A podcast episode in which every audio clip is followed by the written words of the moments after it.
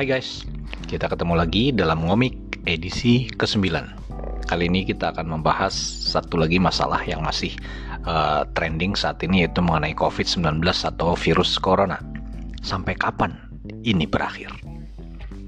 Setelah podcast saya yang terakhir, kita melihat bahwa penyebaran COVID ini semakin meluas ya.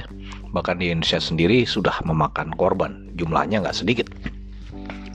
Majalah The Economist kemarin menulis uh, suatu judul yang uh, provoking dan cukup menarik bahwa planet Earth is shutting down.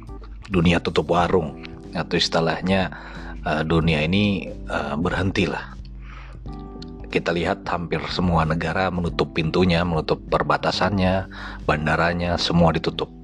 Orang-orang dilarang keluar dari rumah. Dunia sepi. Kekhawatiran, ketakutan mulai menyebar ke berbagai sudut dunia. Kita perhatikan di berita-berita hal itu tercermin. Tapi cermin paling nyata dari ketakutan itu sebenarnya bisa dilihat yang paling gampang sih di pasar keuangan atau pasar modal pasar modal dunia itu merah semua, ambles. Pasar keuangan demikian pula. Kalau kita lihat pasar modal di Indonesia sendiri, uh, tentunya terlihat sekali kan bagaimana tekanan itu terasa. Indeks harga saham kalau dilihat bulan ke bulan dari Februari kemarin melemah 8,2 persen. Tapi kalau dilihat year to date atau dari awal tahun hingga uh, pertengahan Maret, itu terlihat sekali terjadi penurunan yang tajam, lebih dari 30 persen fire sale saham-saham dijual dengan harga sangat murah karena orang-orang karena investor rame-rame melepas indeks harga saham dari sekitar 6 ribuan pasar surat berharga juga demikian. Kita lihat investor asing rame-rame mulai melepas portfolionya. Ini terlihat sekali bagaimana kemudian uh, dampaknya juga terasa hingga ke rupiah. Di pertengahan Maret kemarin rupiah terus mengalami tekanan dari 13.500 bahkan sempat menembus 16.000 dan ini terus uh, dinamikanya terus terjadi. Banyak orang kemudian bertanya, itu apa sih? Sampai kayak gitu, ke pasar modal lebih kayak gitu? Dan sampai kapan ini? Jujur saja ya, kalau kita pertanyaan seperti itu, saya yakin nggak ada yang bisa menjawab itu. Karena semua orang yang hidup saat ini, eh, mungkin uh, kalaupun dia ahli ekonomi pun yang hidup saat ini saya rasa belum pernah mengalami kondisi yang seperti saat ini. Kita lihat saat ini ada dua hal berat yang sedang dihadapi ya. Pertama adalah pandemi COVID atau virus corona itu tadi itu pandemik.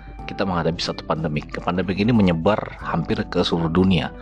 Ada 155 negara yang melaporkan terinfeksi kan.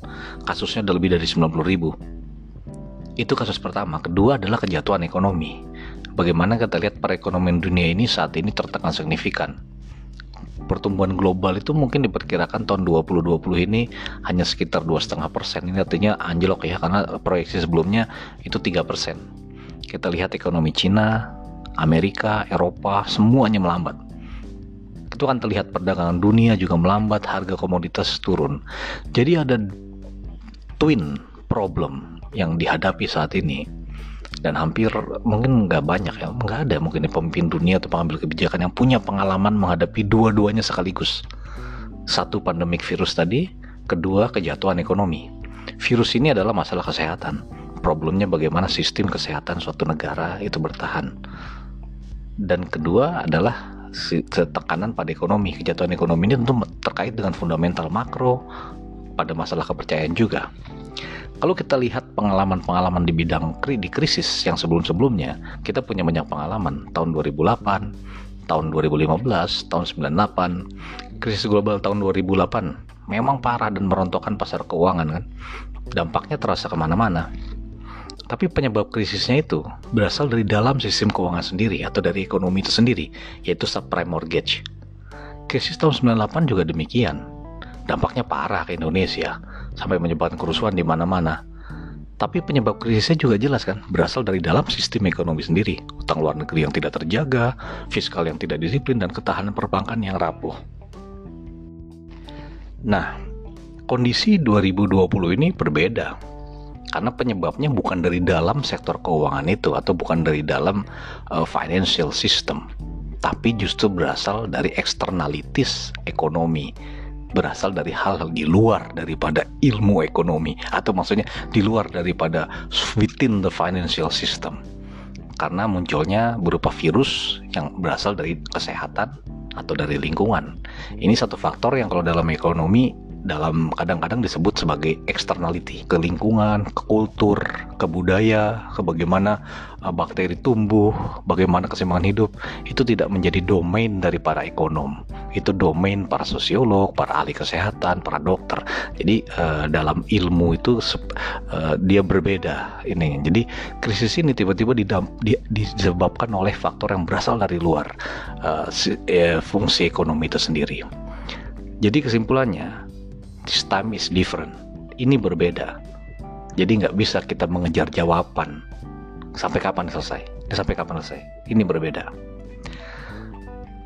Tapi perbedaan itu bukan membuat kita kemudian jadi harus panik.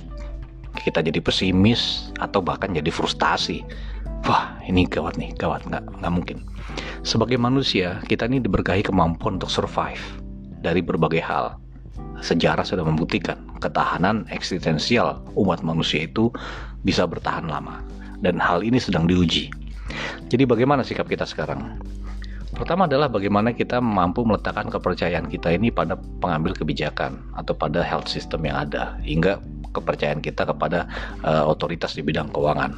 Kalau kepercayaan kita tinggi, semakin tinggi hope kita dan semakin tinggi juga kemungkinan pulih. Kasus dari beberapa negara bisa menjadi contoh bagaimana suatu negara menangani virus ini. Tapi saya tidak akan bicara banyak soal itu karena ini adalah ngomik ya, ngobrolin ekonomi. Jadi kita lihat yang aspek-aspek yang terkait dengan ekonomi aja.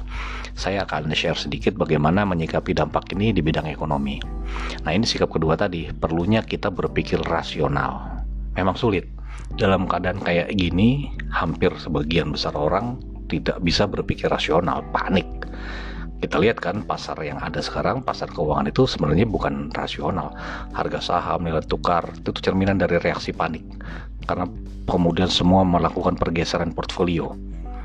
Kita lihat bagaimana COVID ini berimbas pada ekonomi ya. Pelambatan ekonomi itu eh, kita lihat sebenarnya COVID itu uh, masuk atau memberi dampak pada ekonomi itu uh, melalui tiga jalur ya jadi bagaimana covid ini berdampak kepada perekonomian kita ini perlu kita pahami dulu supaya kita bisa berpikir rasional pertama dia akan masuk melalui tiga jalur Jalur pertama itulah jalur perdagangan barang dan jasa. Nah, ini terlihat dari bagaimana ekspor barang dan jasa turun.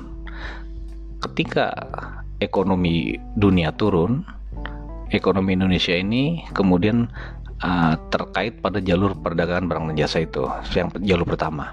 Ekspor barang dan jasa turun impor barang dan jasa juga turun karena setiap negara kan sudah mulai mengunci diri dan menutup kegiatan ekonominya. Akibatnya perdagangan pasti turun. Itu jalur pertama yang berdampak ke dalam ekonomi kita. Kedua adalah jalur investasi ini ditandai, ditandai dari gerakan arus kapital di pasar uang atau pasar modal maupun dalam penanaman modal langsung jelas ini pasti akan turun juga karena kapital itu akan berbalik.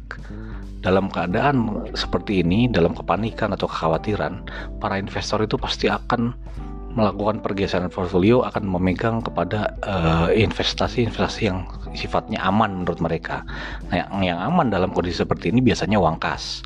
Orang akan narik duitnya, nyimpan di bawah bantal atau nyimpan di lemari. Ini uang kas untuk keamanan atau beli emas. Kita lihat pasti emas naik harganya dalam kondisi seperti ini. Karena orang beramai-ramai beli emas. Karena ada keyakinan ketenangan dalam hati kalau megang emas itu aman dalam kondisi tidak pasti. Atau yang ketiga adalah dolar ya jadi semua pergi ke dolar Amerika maka kita lihat dolar Amerika menguat di mana-mana jadi nggak heran kalau ketika uh, itu uh, harganya meningkat karena memang sudah terlihat orang akan menggeser portfolionya kepada safe haven namanya safe haven aset Nah itu jalur kedua. Jalur pertama tadi perdagangan dan jasa pasti akan turun. Jalur kedua investasi juga akan turun. Jalur ketiga dampaknya melalui jalur income. Nah di sini kita bisa lihat bagaimana jalur income ini menyebabkan konsumsi swasta dan konsumsi pemerintah turun. Karena perdagangan turun, kemudian investor juga berbalik, yang terjadi kemudian adalah konsumsinya juga ikut turun orang kemudian tinggal di rumah, tidak berbelanja, tidak banyak e, bepergian, pariwisata turun, pesawat turun, akhirnya konsumsinya menjadi turun. Dari ketiga jalur itulah ujung-ujungnya pertumbuhan ekonomi akan melambat. Dampaknya dampak daripada COVID melalui tiga jalur ke perekonomian Indonesia sudah bisa diprediksi bahwa tahun ini pertumbuhan ekonomi Indonesia akan melambat. Jadi kalau di awal tahun lalu ada prediksi BI itu Bank Indonesia memprediksi itu ekonomi 2020 itu akan tumbuh 5 sampai 5,4 persen. Nah dengan kondisi seperti ini dalam rapat Dewan Gubernur bulan Maret lalu eh, pandangan itu direvisi menjadi 4,2 hingga 4,6 persen. Ini menunjukkan bagaimana eh, ekonomi Indonesia terdampak secara signifikan dari COVID ini. Tapi kita tentu melihat uh, itu kan uh, baru dilihat dampaknya. Langkah selanjutnya adalah bagaimana respon. Nah ini yang paling penting. Policy response ini yang paling penting karena kita akan melihat bagaimana respon otoritas-otoritas itu dalam menyikapi kondisi seperti saat ini. Respon yang paling standar atau yang paling umum dilakukan saat ini adalah bagaimana agar tidak jadi terjadi permasalahan likuiditas di pasar. Ini penting karena uh, kalau likuiditas tidak ada orang menyimpan di kas, orang menyimpan di emas, orang menyimpan di dolar disimpan kemudian tidak terjadi tidak ada likuiditas di pasar ekonomi akan berhenti. Jadi harus didorong. Di sini pemerintah uh, di banyak negara juga melakukan uh, stimulus namanya. Nah, di pemerintah di Indonesia juga melakukan stimulus perekonomian agar ekonomi ini bisa bergerak kita melihat bagaimana pemerintah Indonesia sudah melakukan stimulus bahkan mencapai dua jilid, jilid pertama dan jilid kedua, total insentif yang didorong itu mencapai sekitar 33 triliun. Nah itu uh, bagus sekali karena ditujukan dan perlu kita apresiasi sebagai langkah untuk mendorong ekonomi dan memberi semangat. Insentif itu difokuskan pada perpajakan, ada keringanan pajak, kepada non fiskal, kepada belanja pemerintah yang didorong, bantuan sosial, serta keterjaminan pangan. Ini yang membuat uh, kita harus tenang, cukup bisa tenang karena pemerintah menjamin itu semua. Nah dari sisi moneter juga kita melihat bagaimana respon Bank Indonesia melakukan penurunan suku bunga kebijakan. Kita kemarin lihat hingga empat setengah persen ini artinya Bank Indonesia mendorong juga likuiditas di pasar. BI juga bukan hanya melakukan kebijakan melalui suku bunga, ada yang namanya bauran kebijakan. Itu adalah bauran namanya campuran dari berbagai macam instrumen yang dimiliki oleh Bank Indonesia. Ada tujuh kebijakan yang kemarin dilakukan untuk menenangkan pasar dan menyediakan likuiditas.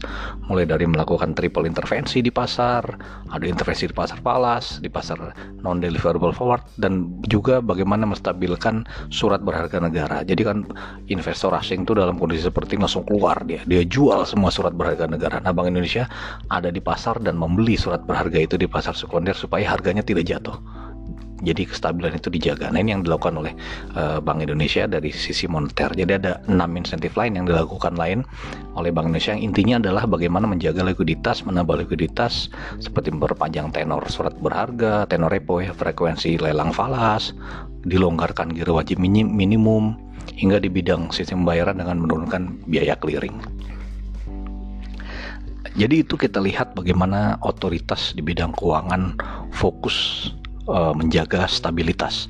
Rupiah dijaga dengan menjaga uh, likuiditas kemudian pemerintah juga menambah stimulus di perekonomian.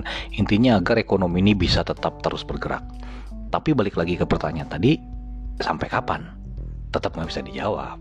Tapi kita setidaknya memilihat ada dua aspek yang butuh penanganan serius. Pertama, sisi kesehatannya, bagaimana kita memitigasi penyebaran virus ini. Nah, langkah memotong rantai penyebaran, ini perlu. Nah, kita apa yang bisa kita lakukan seperti gerakan work from home atau stay at home. Nah, itu perlu didukung.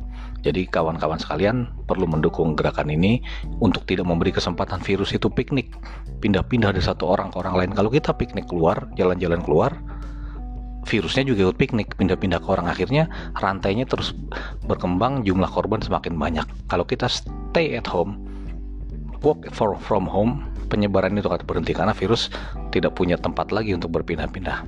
Jadi uh, don't panic, don't picnic gitu loh. Nah, kita jangan panik, jangan, juga sampai memborong segala macam barang. Ini bahaya dalam kondisi seperti ini kita perlu care dengan sesama. Kalau kita borong semua kan yang lain gak kebagian. Jadi harus ada kepedulian juga. Karena kita lihat tadi pemerintah sudah menjamin ada bantuan sosial, ada keterjaminan pangan. Jadi ini yang kita lakukan. Itu langkah pertama adalah di sisi kesehatannya uh, perlu di terus kita lihat bagaimana pemulihannya dan kedua adalah di sisi ekonominya. Kita harus menanamkan dalam diri kita ini sebuah harapan dan kekuatan kita lihat sepanjang sejarah umat manusia itu telah mengalami banyak hal cobaan. Ada wabah, bencana, krisis ekonomi, tapi biasanya selalu ada jalan dan sejarah membuktikan selalu ada jalan karena di ekonomi itu ada istilah namanya boom and bust cycle ada saat di atas ada saat di bawah kisah di eh, kitab-kitab uh, juga ada kisah Nabi Yusuf mengajarkan ada saat ekonomi itu downturn, bearish, ambles ke bawah, tapi ada saatnya dia bullish lagi naik ke atas. Jadi uh, harapan siklus ini yang perlu kita jaga bersama. Jadi mari kita bersama-sama tanamkan optimisme, jangan panik, dan semoga kita bisa segera keluar dari cobaan yang sedang melanda kita saat ini. Salam semangat, dan sampai jumpa di episode ngomik, ngomik selanjutnya.